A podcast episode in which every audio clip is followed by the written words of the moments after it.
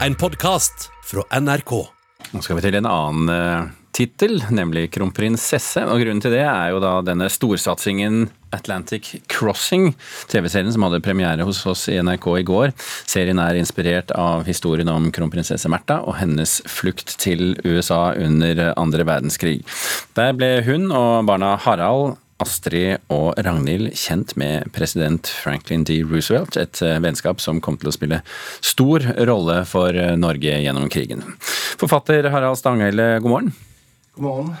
Du har nylig gitt ut boken 'Kongen forteller' om det norske kongehuset, så du er altså rett mann å spørre i dag. Forhåpentligvis. Fortell oss, eh, Hva forteller kong Harald og prinsesse Astrid altså om sin mor og tante kronprinsesse Märtha? Altså, de, de snakker jo veldig varmt om eh, mor si. Eh, prinsesse Estrid snakker jo om at hun var god tvers igjennom. Hun stolte på sin egen samvittighet. Eh, hun forteller også at det skjedde noe med et rom der mora kom inn i. Hun hadde samme følelsen som da hun møtte Nelson Mandela, sier prinsesse Astrid. Og begge to snakka jo om eh, mor si som et samlingspunkt eh, med humor, og som hadde mye varme. Mm. Hvordan var egentlig forholdet mellom USA og Norge før kronprinsessen? Ja, Denne historien er litt uh, pussig på en måte, fordi at 9.4.1940 så var en kjent amerikansk journalist, Lillian Stove, han var øyevitne til at tyskerne marsjerte ned uh, Karl Johan, det ikoniske bildet som vi alle har uh, sett. Han skrev en rapport som ble trykt i en rekke amerikanske medier, der han beskrev nordmenn som apatiske, tafatte og med manglende evne til å gjøre motstand. Og det var på en måte en tøff jobb jobb for alle som kjemper for Norges sak i USA, å overvinne dette bildet. Og Der kom kronprinsesse Märtha inn i bildet. Ja, for hvordan, Hvorfor skulle de kjempe for Norge når nordmenn ikke kjemper for seg selv? Sånn? Nettopp. På en måte der. Og det var andre land som ble framheva som de som virkelig hadde gjort motstand. Norge var ikke blant de. Kronprinsesse Märtha ble jo omtalt som eh, en trojansk hest i Det hvite hus, eh, skrev eh, Arne Skouen, filmlegenden og, og, og journalisten som da jobber med informasjon på Norges vegne i USA. Eh, hun gjorde en stor eh, innsats, og, og, og, det er jo ingen tvil om at eh, hun hadde betydning, og stor betydning, for amerikanernes bilde av Norge. Og kong Harald han sier jo også at, at han er ikke i tvil om at henne og familien tilstedeværelsene var, var avgjørende for president Roosevelts syn på Norge. Men hva hva var det hun gjorde konkret, da? Eh, hun var til stede. Hun holdt foredrag. Hun eh, opptrådte på Norges vegne. Hun var en glitrende ambassadør. Og ikke minst, hun hadde et tett forhold til Det hvite hus, til miljøet der, og til presidenten sjøl. Presidenten eh, besøkte ofte eh, kronprinsfamilien på Pooks eh, Hill, der de bodde. Eh, de førte lange samtaler. Og Arne Skouen forteller at kronprinsesse Märtha ble fora av argumenter i møte på den norske ambassaden i Washington, som hun igjen kunne putte inn i samtalene med president eh, Roosevelt. Men hva var det som gjorde at de to ble så gode venner, tror du? Det er nok eh, flere grunner til det. Den viktigste var jo møtet og kjemien mellom kronprinsparet, altså Olav og Märtha, og eh, president Roosevelt under den store Amerikaaffæra til kronprinsparet i 1939. Det var jo da Roosevelt inviterte de til å komme og bo i USA hvis forholdene i Europa ble uutholdelige, og det eh, ble de. Og så likte de tydeligvis hverandre. Dette var to mennesker med, som hadde en kjemi sammen, og som trivdes i hverandres eh, selskap. Men Vi har jo visst om at Märtha og Roosevelt det har vi visst om over tid at de har, eh, hadde mye eh, kontakt. Likevel så har hun kommet ganske sent inn i heltehistorien. Ja, det kan du si at uh, hun har. Og uh, altså, nå antyder jo denne serien en form for erotisk kontakt, som er bare spekulativt, egentlig. Men at de var nære venner, ingen tvil om det. Hun kom seint inn i heltehistorien. Hun var kvinne, og kvinnene kom seint inn i heltehistorien fra annen verdenskrig. Dessuten jobber hun fra USA, mens resten av familien, kong og kronprins, de jobber fra London. Så det er jo ingen tvil at hennes plass i eh, historien om annen verdenskrig, den er blitt nedtona. Og det er fint at den blir skrevet opp. Historikerne er litt usamde hvor viktig hun var, men at hun var viktig, det er ingen tvil om. Harald Stanghelle, takk for at du var med oss. Og serien vi snakker om er altså Atlantic Crossing, som går på NRK nå.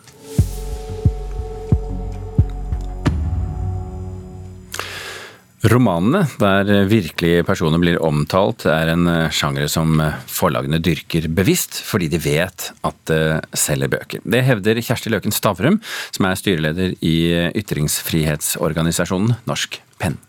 Jeg oppfatter at forlagene bevisst har skapt en hybridsjanger. De sier at dette er litt sant, for å friste leserne, for å lage kikking. Og det er ikke alltid at folk som blir omtalt i såkalt virkelighetslitteratur, syns at det er helt greit, sier Kjersti Løken Stavrum. Jeg oppfatter at det gjør den litteraturen veldig vanskelig for folk som føler seg rammet. Og jeg, jeg lurer på hvorfor man ønsker å gjøre det. Styrelederen i Norsk Penn mener forlagene kan ha økonomiske motiver. Så de gjør det for å tjene penger? Ja, det oppfatter jeg. Jeg oppfatter at virkelighetslitteraturen har blitt en, en innbringende sjanger. Og Derfor så, så syns jeg jo at, at, det å jobbe, jobbe etisk, systematisk innafor, innafor forleg, forlagsbransjen, jeg oppfatter at det er viktig.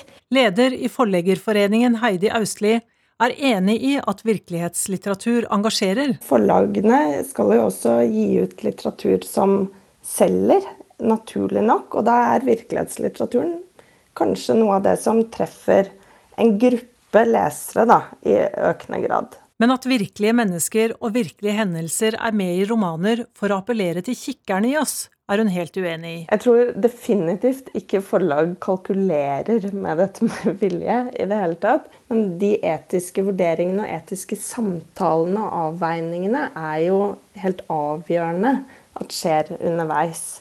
Samtidig er det også viktig å huske at forlagenes samfunnsoppdrag det er å være en garantist for ytringsfriheten. Jeg tror det er en villfarelse der om at etikken begrenser ytringsfriheten, men den gjør ikke det. Eh, etikk er bevisstgjørende, eh, det er eh, ansvarliggjørende. Men den begrenser ikke ytringsfriheten. Kjersti Løken Stavrum sier det finnes enkle måter å sikre at man ikke kopierer virkeligheten på sånn at de som blir omtalt, ikke trenger å bli så utsatt. Det er jo alt fra å skifte yrke, skifte, skifte sted Man gjør ting som, som, eh, som, ikke er viktig for den som leser, men som kanskje er viktig for den som omtales. Og det er her de etiske vurderingene må slå inn, da. På hvilke historier som skal fortelles, og hvordan de skal fortelles. Og det er det som skjer mellom en forfatter og et forlag så skal vi helt sikkert eh, både skjerpe på etiske vurderinger og kompetanse, og ikke minst altså gode sjekklister da, for utgivelser. Reporter her, det var eh, Elisabeth Grøndal. Nå skal vi snakke om teater. Hør på dette her.